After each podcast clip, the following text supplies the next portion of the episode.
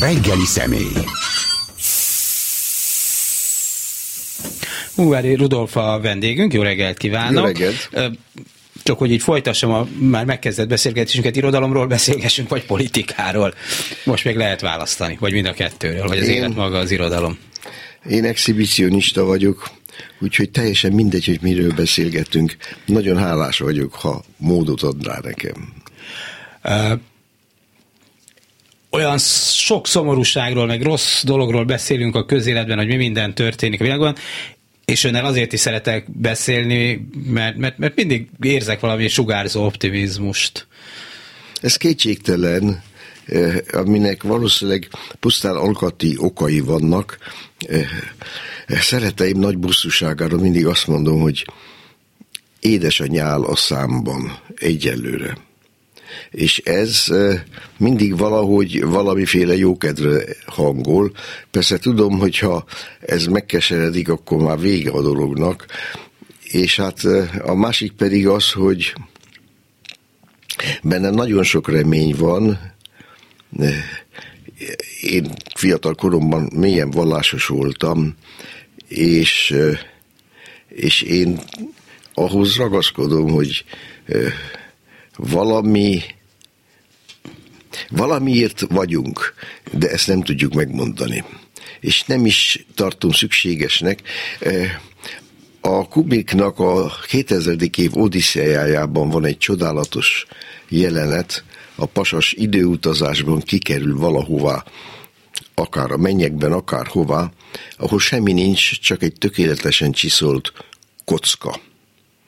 És ha arra gondol, hogy éhes, terített asztal van előtte.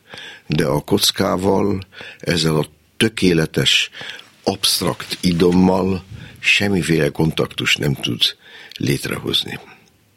Hát körülbelül így viszonylok a reményhez.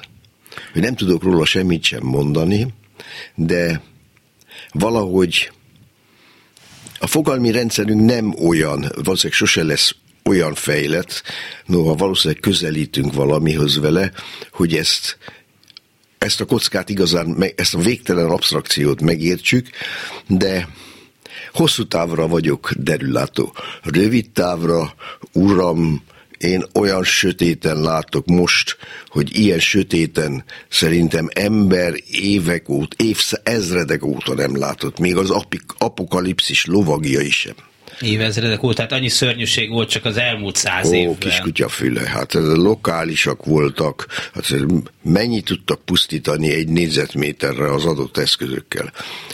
A helyzet, és most áttérek akadémiai székfogalomra, hogy ugye volt az őskor, állítólag bukolik a ősközösség, meg mit tudom én, az én szememben az állatiság kora is maga a borzalom, és aztán utána a kőkorszak, a részkorszak, a bronzkorszak, a vaskorszak és vele az acélkorszak. Ezek olyan korszakolások, amelyek az, azt az anyagot, amely az adott korra domináns, amiből az eszközök készültek, amelyek meghatározták a gondolkodást, a fogalomalkotást, mert ezek határozták meg, eltekintve az isteni sugalatról, amiről nem kívánok nyilatkozni, mert nem tudhatok róla semmit. És ezekkel nem csak eszközöket, szeretett dolgokat készítettek, műalkotásokat, hanem fegyvereket is közölni persze, hogy mit akarnak, azt a szavakkal közölték, de azt az egyik embertől kellett adni a másikig, fizikailag, közvetlen közelségben. És az 50-es évek végétől egy teljesen új korszak keletkezett. Így a, a korszak anyagi lényegét tekintve az információk kora.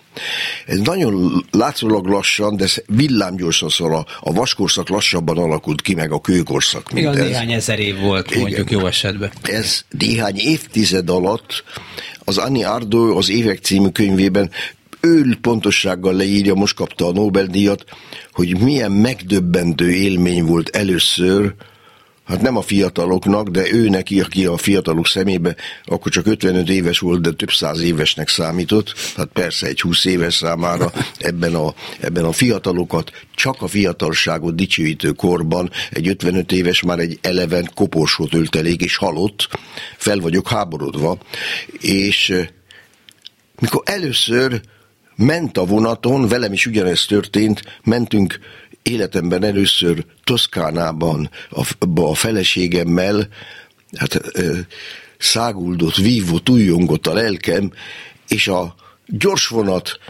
valamelyik hátsó részéből, szintén a folyosón állva, valamilyen férfi zsebében megszólalt a mobiltelefon, fölvette és elkezdett beszélgetni, és én hülledeztem, ahogy az Ani Erdő is leírja halál pontosan az években és ez olyan korszakos változást idézett elő, nem csak az anyagi dolgokban, mert az információ anyag, hiszen ugye megmondták a nagyok, én nem vagyok marxista, leninista, de ez igaz, hogy ha a magam nyelvén a gondolat az emberek tudatába hatol, és cselekedni kezdenek, akkor a gondolatból anyagi erővé válik.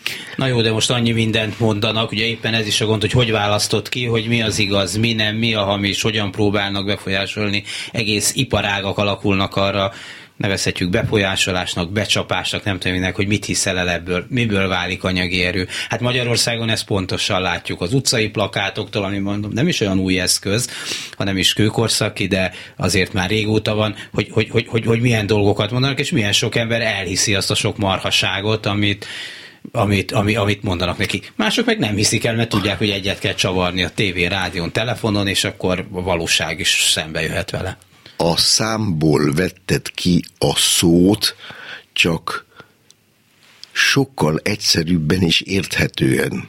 Nekem a legnagyobb szenvedést az okoz, hogy túl bonyolultan foglal, fogalmazok. Már ez is éppen elég volt kőkorszak, részkorszak, vaskorszak, információs korszak, és már mindenki lefekszik és horkolni kezd. És az a helyzet, hogy ahogy a kőből a részből, a bronzból és a vasból, acélból fegyverek is készültek, az információból pontosan így fegyverek is lesznek. És ez egy teljesen új jelenség, az embereket régebben legfeljebb a szószékról lehetett eh, egy kisebb embercsoportot bolondítani. Most a tömegkommunikációs eszközök és a számítástechnika segítségével emberek százmillióinak lehet a gondolkodását úgy téríteni, ahogy azt hatalmi érdekek diktálják. És ez félelmetes. A legfantasztikusabb ebben, és ezt én csodálatosnak tartom, bár egy kicsit frivól, amit mondok, hogy van ember, akire ez nem hat annyira, sőt, ellenkezést vált ki, és van, amelyik mindezt tövig beszopja. Na most ezt a rejtét, hogy mitől van, szóval tényleg több száz éves lettem, és ennek következtében hát de több százat le is, is tagadhat. Isten Isten ajándékaként feltételezem, hogy elég sokat megismertem. Olyan nagy tehetség nem szorult belém, tehát én úgy érzem, hogy mindent kívülről kaptam, amit tudok. Van egy alkatom, az egy eléggé dühös alkat, de különben, és én ebből például a mély lélektamból, a pedagógiából, a filozófiából, az élettamból, millió dologból, és hát van egy élettapasztalat is. Azt kellett megállapítanom, hogy nincs szabályosság abban, most egész egyszerű nyelven, hogy ki lesz a Fidesz híve, és ki nem lesz kenterben. Én teljesen műveletlen embereket hasonszőrűként éltem meg politikailag, és akadémikus műveltségű, hozzám érzelmileg a legközelebb álló emberek. Maguk váltak a borzadájá akkor nem igaz az a marxista tétel, hogy a lét határozza meg a tudatot, tehát a, a marxizmusban az osztályviszonyaid, de hát hogy a társadalmi viszonyaid, a, a lehetőségeid, a, az anyagi való, világhoz való kapcsolatot határozza meg előbb-utóbb a politikai nézeteide. A dolog nem stimmel eléggé, vagy nem tudjuk pontosan, hogy mi a tartalma annak, hogy a lét határozza meg a tudatot. Mert szóval nem tudom megmondani, és még van, ami van.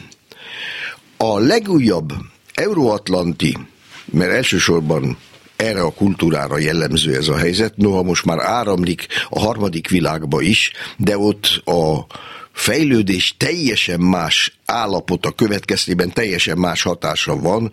A bolondítás az továbbra is fönnáll, meg ilyesmik. E, e, azok a társadalmak, most átmegyek jobboldali konzervatívba, körülbelül olyan állapotban vannak, főképp az iszlám államok, mint az európai államok 1648-a veszfáliai béke előtt. Akkor jöttek rá az európai politikusok először, és ez volt Európa közeledésének első momentuma, hogy vallási kérdésekben szigorúan tilos háborúzni. Cuius regio, eius religio, és Schluss. Na most erre még nem jöttek rá az euróatlanti kultúrán kívül többek között az iszlám államokban. Igen, csak ez talán kellett a reformáció is, hogy szétváljon ez a világ. Monument, egy, egy száz valahány évvel korábban. Ez, ez teljesen természetes. Őrült sok kellett előtte. Kellett hozzá az a felkiáltás, hogy Nincs csodálatosabb az embernél a humanizmus idején. Kellettek az ír kódex másolók, akik átmentették az antik szépirodalmat. Millió dolog kellett hozzá, hogy eljusson valami a Westfáliai, a 30 éves háborúhoz, az írtózathoz, ezek után a felvilágosodáshoz és annak politikai formájához, a demokráciához őrült sok kellett. Azt mondta, hogy nehéz megmondani, hogy kiből mi lesz, már így az anyagi viszonyait, vagy a világi viszonyait tekintve, de hát az azért régi tapasztalat, hogy a gyűlöletreuszítás az általában beszokott jönni. Igen, de nem informatikai eszközökkel könyörgök. Hát az a vicc, hogy az az óriási különbség a szószékről, meg e, vándorprédikátorok, meg, meg munkásmozgalmi vezérek, hát nulla akciórádiuszuk volt, ami az információik terjesztése érdekében ö, használható volt, az semmi ahhoz képest, amihez ma a legaljasabb, legalattalmosabb, legpiszkosabb, legocsmányabb politikus el tud érni a tömegkommunikáció és a számítástechnika segítségével. Igen, a nagymamám sokat mesélte, hogy valamikor a tízes években, na ott állt, azt hiszem Bokányi Dezső vagy Kumbéla, és tartott arról a tüzéről egy beszédet, még ötvenen is hallgathatták talán, most nyilván el lehet érni nagyobb közönséget. Viszont most sokkal könnyebb találni más információforrásokat, és mondta példának a templomi szószéket, hogy arról mit mondanak, ha én mást akartam hallgatni, nem nagyon tudtam máshova menni. Most tényleg csak egy gomnyomás. Nem ilyen egyszerű. Nem, hát azt én is tudom, de miért nem ilyen egyszerű? Mert nem kapcsolnak át. De miért nem? Hát ez az, amiről én úgy beszéltem az előbb, hogy eleven szemű rejté, hogy az egyik ember miért, a másik meg miért nem. Mert nem kapcsol át egyszerűen nem hallgatja meg, nem engedi magához.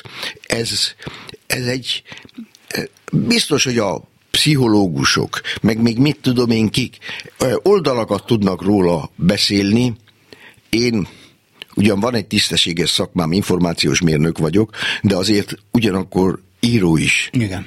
És az emberi jelenségnek ez az esete, ez, hát szerintem ez tart életbe.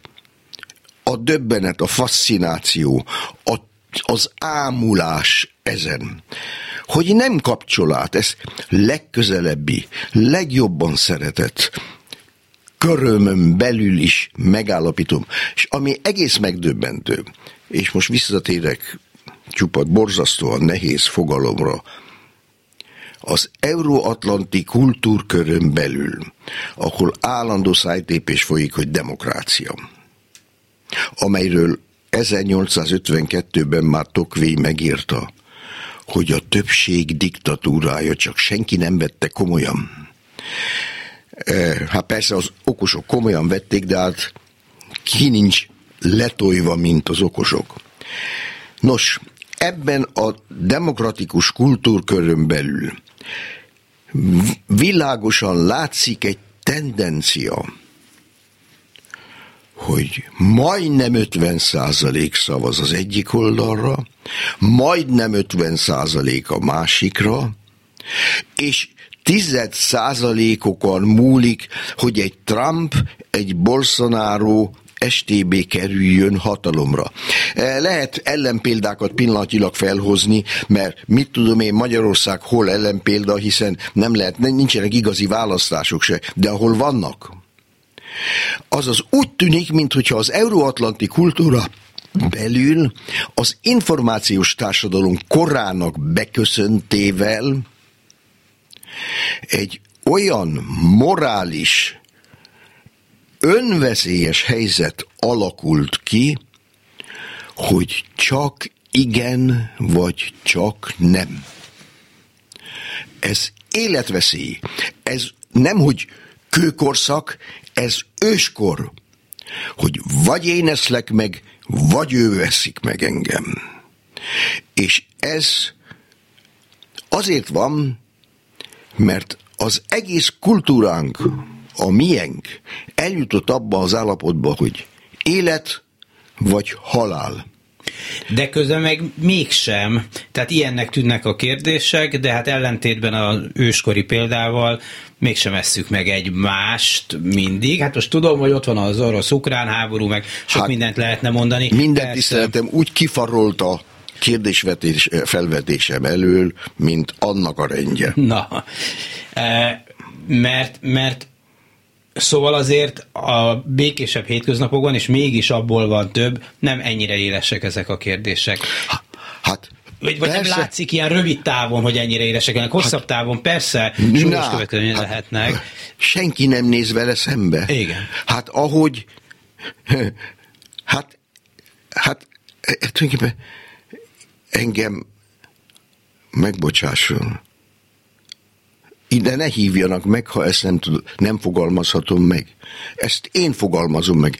Én nem vagyok orákulum, én ezt mindent, mindent, amit tudok, máshonnan szoptam, de én ezeket úgy összegyűjtöttem, és a magam módján kifejeztem. Nem biztos, hogy nekem igazam van, de csak ezt tudom mondani. Itt állok, másként nem tehetek. Sajnos egy kicsit mindig túl bonyolultam. De Mit? Hogy nem veszik észre? Hát tudja, mit nem vesznek észre? Hogy mi ez a rendszer? Hát itt még mindig konzervatív keresztény, még esetleg hozzáteszik autokrácia, vagy populizmus, vagy választási demokrácia.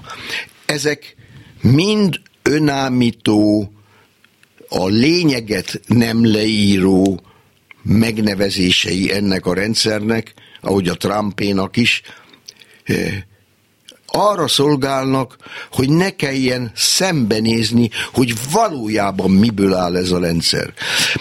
Most megint folytatom az akadémiai székfoglalót, úgyhogy nagyon sajnálom, hogy mindenkit végtelen álmosság fog elfogni. Nem, nem. A politikai közelem terén az euróatlanti demokráciában mindig vagy baloldali, vagy jobboldali, vagy liberális, vagy konzervatív a politikai választás, még ha ez nem is látszik. Most szokás azt mondani, á, már nincs baloldal, meg jobboldal, mese habbal.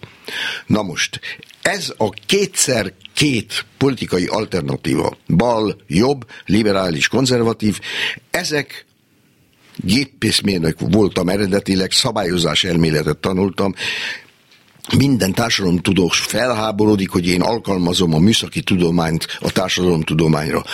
A politikai életnek is vannak szabályozó mechanizmusai, melyek önszabályoznak.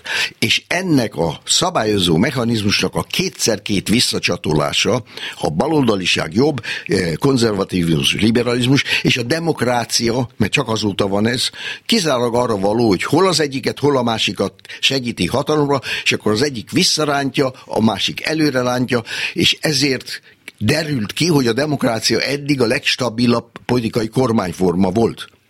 Na már most, ahogy egy szabályozási rendszer, egy önszabályozási rendszer a visszacsatolásainak meghibásodásai, a feedbackek magyarul révén meghibásodhat úgy a politikai rendszer is, és ezt nevezik szélső jobboldaliságnak, szélső baloldaliságnak, szélső eh, anarcholiberalizmusnak és ultrakonzervativizmusnak, és jelenleg a szélső jobboldaliság magyarán, bár nem ugyanaz, a fasizmus kora van már 1930-22 óta akár hisszük, akár nem. Csak hogy a fasizmus, negy, a fasizmus, nemzeti szocializmus, latin fasizmus, meg német, magyar, nyilas, stb. Ez 45-ben olyan katasztrofális erkölcsi vereséget is szenvedett, hogy a régi formájában nem támadhat föl. Hát ezért alakváltoztatott formában jelenik meg, amelyet populizmusnak, választási demokráciának, meg mit tudom én minek nem, csak annak nem, ami hogy ez a rendszer valószínűleg ennél pocsékabb, alantasabb politikai rendszere még európai államnak nem volt. Szóval... Hát azért erős a verseny. jelenleg kenterbe verjük Most? valószínűleg történelmi hagyományainknál fogva. Iszonyatos, hajamat tépem, hogy magyar vagyok. De ugye vannak a környékünkön olyan országok, amelyek körülbelül hasonló történelmi szituációkon mentek át. Őszintébbek, mi, vadabbak. De igen, szóval, hogy mi a, mi, mi, nem hiszek a magyarátok, meg mi ezt turániátok, vagy mit szoktak Nem mondani? magyarátok, magyar mi? történelem. Igen, de mondjuk a, a, a román történelemben, vagy a mit tudom én milyen De nézze meg, hol hát tartanak. Hát ez az, de meg miért? a szlovák. Me, hát meg a történelmük mi, miatt is, meg mit tudom én. Szóval ezek gyönyörű nagy rejtélyek, az ilyesmik tartják ah. az embert életben, mert itt ez a hatalmi, adminisztrációs titkolózás, hazudozás, piacellenesség, de minden észszerűségnek ellentmond. Muszka vezető külpolitika, amelyel teljes egyelőre nemzetközi elszigetelés, központosítási dű, totális uralomvágy, pénzéhés és történelmi és stadion pazarlás az építkezésekben, a szakértelem, az elhivatottság, az, az ég adta földön semmit nem számít. Hát ilyen visszaesést, mint amit ez a rendszer produkál, csak a török világ idején élt meg Magyarországot. És nem véletlen, hogy egy ilyen rendszer keletkezett Magyarországon a török világ után, amelyben Magyarország se török, se európai nem tudott lenni. És hát egy ennyire hitvány politikai rendszere a magyar államnak még nem volt. Ezek tulajdonképpen, mondok valami borzasztót, rosszabbak, mint a nyilasok voltak. Megmondom, mielőtt még most ö, kivégeznek, Igen, hogy a nyilasok nyíltak voltak, és egy iszonyatos, de legalább egy étoszuk volt a zsidó ellenességen gel, meg a, meg a Kárpát-Dunával, meg nyíltan kimondták, képviselték, a legvacakabb emberek voltak a magyar társadalomban, de az ember tudta, hányadán áll velük. Jó, azért én azt a különbséget nem becsülném le, hogy ölnek embereket, vagy nem, azért ez ég. Ez csak látszat. Ugyanis hát, tudja, mit jelent az ölés.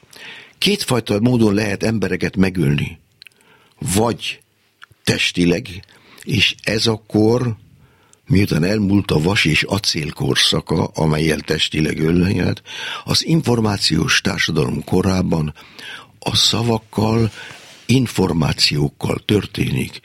Megölik a lelküket azoknak, akik tövig beszopják őket. Igen, van még egy nagy különbség, szerintem rengeteg, szinte csak különbségek vannak. Az egyik ellen azért, hogy mondjam, ha, ha fizikailag megölnek, akkor ott vége a történetnek.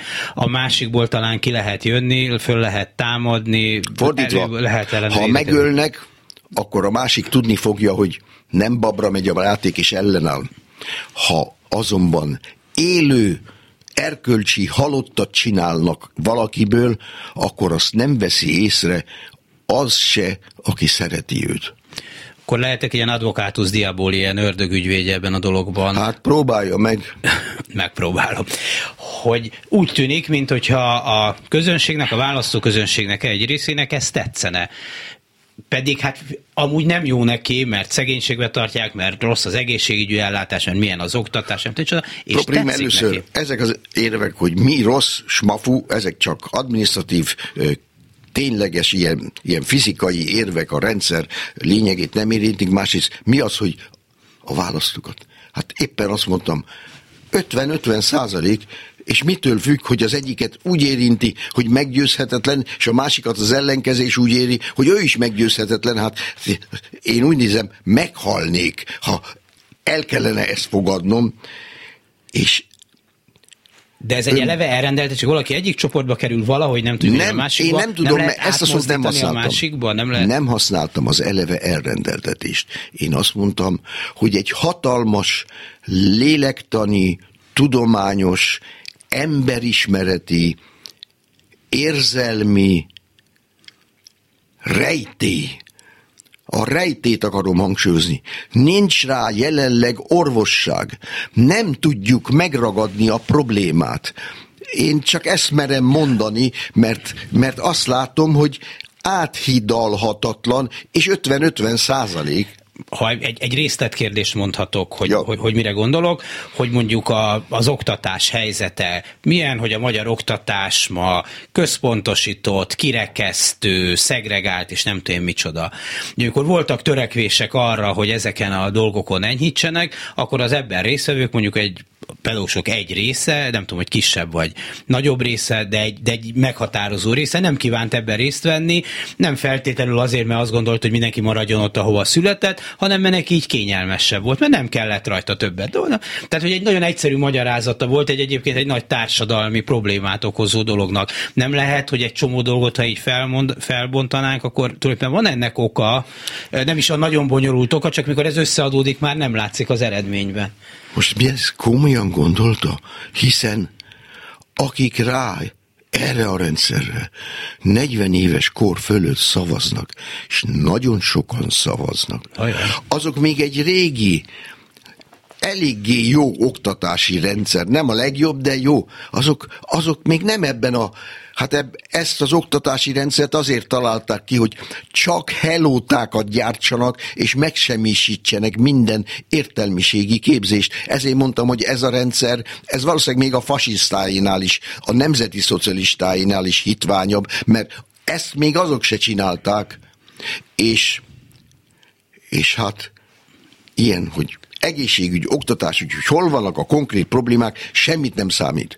Az számít, hogy érvényes burkoltan, mert minden burkoltan, rejtetten a demokrácia paraványa mögött a vezérelv, a tekintélyelv, az erő elve, a teljesen megszállt állami intézmények és a fékek és ellensúlyok rendszerének gyakorlati felszámolása, a féktelen mindegy, hogy milyen, pillanatilag nacionalista, de hát ha a muszka vezetésre gondol az ember, akkor nem éppen nacionalista politika, és egy szakrális legitim, legitimációra való rejtett igény, ami a latin fasizmusokra volt jellemző.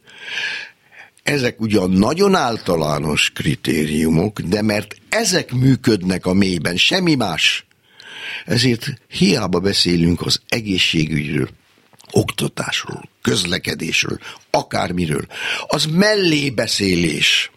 Én csak itt a motivációkra mondtam, de jó, akkor láttunk mondjuk úgy tűnik egy, egy törést, hogy ki hova kerül, megint csak statisztikailag, hiszen sokféle ember van mindenfelé, mondjuk a nagyvárosok, nagyobb települések és a kis települések között ha ezt azt gondoljuk, hogy a szavazási, szavazati eredményekkel lehet bizonyítani, hogy hol, hogyan gondolkoznak az emberek. Igen, ez egy olyan látszólag nekem az én szemléletemnek kedvező jelenség, de nem vagyok benne biztos, hogy megbízható, mert Budapestnek az a része, amely tulajdonképpen elég sok művelt ember lakóhelye, ott szintén nagyjából 50-50 százalék, csak most véletlenül az a néhány tized százalék az egyik oldal felé billent. Mondom, eljutottunk egy olyan életveszélyes társadalompolitikai állapotba, hogy csak az igen és csak a nem létezik. És ez az őserdő állapota. Hát ezt a helyzetet mondjuk a fennálló hatalom nyilvánvalóan szánt szándékkal provokálja, hogy nem mondhassd azt, hogy hát neked nincs teljesen igazad, mert akkor ugye egy olyan erős tömbel, politikai tömbel és véleménytömbel áll szemben, hogy azt gondolod, hogy nem engedheted meg magadnak. Speciál ennek ellentmond, amit az ellenzéki pártok egymással most Igen. tesznek, mert hogy ők azért egymással is keményen eh, küzdenek, hát meg is van az eredménye. Pontosan így van, de hát eh, ez egy általam kihagyott kritérium, hogy teljesen uralják a politikai információs teret. Tehát olyan mértékben, hogy ezt a műsort egy elenyésző töredéke hallgatja az országnak. Ez igaz, hogy viszonylag kevesen, bár az nem Ahhoz olyan... képest, amilyen, amilyen, amennyit a tévét és a kormány mellé állt ATV-t hallgatják. Igen, de pont ugyanakkor a erővel lehetne hallgatni a klubrádiót, mint bármelyik mást. Tehát nem okoz nagyobb fizikai, anyagi erőfeszítés se feltétlenül, hogy hallgassák. Tehát akkor miért nem? Ez a kérdésem. Na hát ezzel kezdtem, bácsi kérem, könyörgök, kerületi Jó, ügyészség, bíróság. Lehet ezen változtatni? Én próbáltam egyetni. Nyilván ez lenne egy politikának a célja, hogy, hogy, hogy valahogy felnyitni az embereknek, de ez lehetséges, hogy azt mondja, hogy ez, ez, ez menthetetlen. Az én véges intellektuális eszközeimmel csak azt tudom mondani, hogy kizárólag a radikális, nál is radikálisabb szembeszegüléssel. Ez verbális radikális szembeszegülés, vagy, vagy, vagy, vagy politikai cselekvésben megjelenő? Nem akarom folytatni a saját biztonságom érdekében. Lát-e erőt arra mondjuk Magyarországon, akik valamilyen radikális módon fellépnek, vagy itt... Nem. Hogy nem látják. Legfeljebb futóbolondok, akikkel semmiféle közösségem nincs. Uh, lehet egy olyan pillanat, amikor azért mégiscsak valami lassabb erjedés elsöpri ezeket, ez egy jó nagy képzavar, bocsánat. Szóval, de hogy, de hogy valami lassabb ellenállás elsöpri ezeket a rendszereket, mert ugyan lehet, hogy diktatúra, de mégse feltétlenül olyan, meg egy olyan közegben van, ami ugyan bizonytalan, de hát mégiscsak valamiféle demokratikus világ veszi körül minden hibájával együtt Magyarországot. Ez, amit mond, számomra szívet melegítő. Valóban. Ezért is szeretem a létet, mert olyan fantasztikus meglepetéseket tartogat, amit nem tudunk előre kiszámítani. Én 1956. október 22-én délután Miskolcon az egyetemen egy egész viharos nagy gyűlésen, és azt hittem, hogy azért itt érdemben nem változik meg semmi, pedig én gyűlöltem a rendszert. És én vágnivaló barom 1956. november 3-án délután Miskolc főutcáján karszallaggal grasszálva egyetemistaként fürödve a lányok csodáló pillantásaitól, a, olvasva a kisújság a Rákosi Villa rejtelmei című cikkét, azt hittem, ezt nem lehet már visszacsinálni. Én vágni való. Na most itt tartok most is.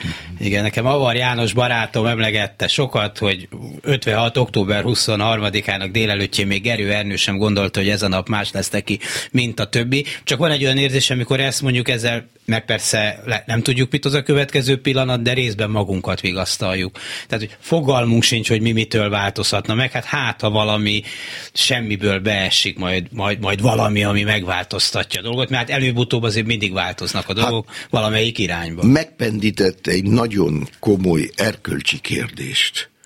Azt, hogy azért semmit se tenni, nem valami erkölcsös, enyhén szólva, bár nem akarok senkit sem megbántani, mert nagyon különbözőek, és nagyon tiszteletre méltóak vagyunk mindannyian, mert az embernek még a haldoklása utolsó leheletében is már nem működik a szíve, de lelke még akkor is lehet, és én ezt nagyon mélyen megtapasztaltam, hogy valamit lehet tenni, és ha úgy látja valaki, hogy a cselekedetek szintjén tehetetlennek érzi magát, ha nem lát maga körül társakat, akkor legalább annyit tegyen, hogy a lelkét megőrzi ezekkel szemben. És ehhez hát nagyon egyszerű dolgok kellenek, azt hiszem, például némi ismeret, és némi eh, kommunikáció másokkal, akiket, akikben esetleg megbízunk, hogy a lelkünket őrizzük meg a szembeszegülés számára. A többi majd jön magától, talán. Szerintem a marxizmusban is mondanak valami ilyesmit, hogy elő föl kell ismerni, hogy így most nem jó nekünk, nem jó nekik jó. Tehát, hogy, hogy Én nem kárhoztatom a marxista ismereteimet, mert gyűlöltem az egész rendszert, de én nagyon megtanultam Igen. a marxizmust. Igen, és a rendszernek valószínűleg tulajdonképpen kevés köze volt a marxizmushoz.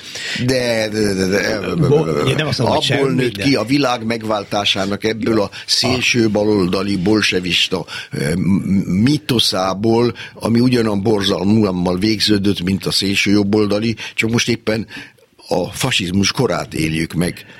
Szóval, hogy azért még csak azt sem mondom, hogy egy új generáció, mert, mert szerintem nagyon generációkon keresztül hozzá lehet férni, amiről beszéltünk, és amiket említett az előbb olyan eszközökhöz, amikhez hozzáférhetsz az információkhoz ahol, ahol megnézhetsz dolgokat. Tehát még, még csak az sincs, hogy szerezz egy könyvet, menj el a könyvtárba. Ott van a kezedbe, állandóan utána tudnál nézni, ha ha, ha akarsz, mindent meg lehet tudni, mindenek az ellenkezőjét is értem, hogy ez bonyolult.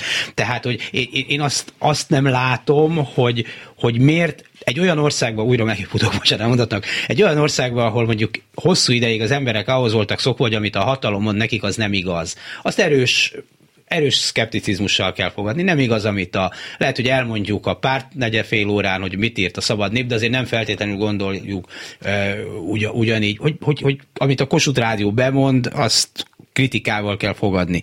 Egyszer csak miért változik meg, hogy örömmel elhiszi nagyon sok? Ne haragudjon, de a pártállami példa nem jó. Annál az egyszerű oknál fogva, hogy a fasisztoid visszatérés sikere azon alapszik, hogy fasisztának, nemzeti szocialistának, nyilasnak lenni, érzékileg jó. Ezek érzéki, állatias rendszerek szemben a bolsevisztikus rendszerekkel, amely értelmiségiek találmánya és a nagy tömegek legfeljebb végletes pillanatokban, mikor sikerül teljesen felhergilni őket a gazdagabbak ellen, akkor működnek közre, de utána nem és ezért a bolsevisztikus rendszereknek nem volt igazán egy olyan támogatottsága, csak lett visszamenőlegesen ugyan azokból, például Oroszországba, akik eh, tulajdonképpen érzéketlenül fogadták a sztálinizmust is. Azok lettek most putyini eh, orosz mi értelemben fasisztoiddá, és Magyarországon is dettó, és hangsúlyoztam a történelmi különbségeket. Nincs még egy olyan ország Európában, amelynek történelmi tudatát úgy verték bele az emberek fejébe, hogy Magyarország mindig önálló királyság volt, holott 1526-tól 1918-ig érdemben semmiféle magyar függetlenség nem létezett. Egy ilyen teljesen torz nemzettudat már önmagában mérgező. Ezen kívül föl kell csak lapozni a Arkánum csodálatos digitális tudománytára jóvoltából, és ezért Biszak Sándornak ezer köszönet csinálok egy reklámot neki, hogy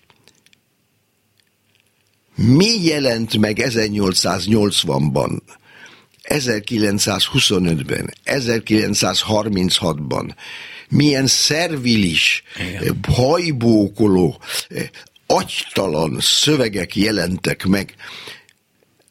Az ország állandóan ki volt téve ennek az elképesztő fertőződésnek, amelyben az úgynevezett politikai osztály vált tulajdonképpen teljesen alkalmatlanná, alig tudott kinevelni néhány baloldalit és liberálist, a kommunistákat, mert csak az volt a szerencséje a bolzsevisztikus rendszernek, hogy a zsidó üldözések következtében a magyar társadalom egyik legértékesebb magyar része, a zsidó származású magyar értelmiségiek egy része, azok sem mind, bedőltek a bolsevizmusnak, és azt hitték, hogy az majd végleg megszünteti ezt a borzalmas üldözést, és ezért volt annak a bolsevisztikus rétegnek egy, egy, az egyik összetevőjében egy minőségi értelmisége, de különben az egész politikai elit maga volt az eleven szemű borzalom.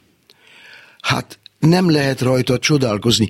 A se Szlovákiában, se Csehországban, se Romániában, se Szerbiában soha egy pillanatra olyan társadalmi tudat nem létezett, Lengyelországot is, Bulgáriát is beleértve, hogy mi állandóan önálló független nemzeti állam voltunk. Mindegyik realistán látta a saját múltját, hogy nem voltunk, hogy teljesen senkik voltunk, hogy csak a paraszti világunk létezett, pislánkolt a maga kultúrájával. Hát két teljesen más politikai realitás felfogás a történelemben. Igen, bár lehet, hogy kicsit túlbecsüli a magyar oktatás szerepét, hogy a közönség jó része tudja, hogy mi volt 1526-ban, mi történt, és utána szerintem már csak nem, már ez, a, ez is a tudatlanság ködébe veszik. Úgyhogy valószínűleg több benne az érzés, mint, a, mint az ilyen tudatos végig gondolt hát dolog. Érzés, végül is én is érzésé és érzelmekké fordítom le azt, amit tudtam, de ez engem eh,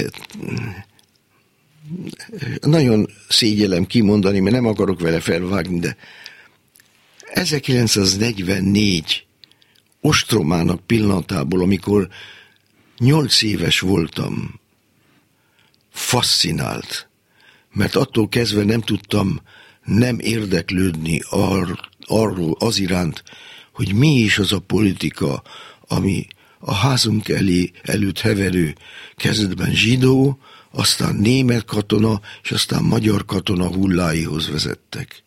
És aztán 56, és az internáló tábor. A munkásőrök a gumibotjaikkal. Hogy ez hogy, miből keletkezett. Ezek voltak a tapasztalataim. Lehet, hogy másnak ez nem volt tapasztalat, és ezért tud nélküle is élni, nagyon különbözőek vagyunk, és tiszteletre méltóak. Köszönöm szépen, hogy elmondta, öröm volt önnel beszélni. Köszönöm, Köszönöm szépen a figyelmüket, Ungvári Rudolf íróval beszélgettünk az elmúlt majdnem egy órában, az elmúlt négy órában pedig munkatársaim voltak Král Kevin, Balogh Kármen, Túri Lui és a szerkesztő Helskovics Eszter, és Jánost hallották. A viszont hallásra!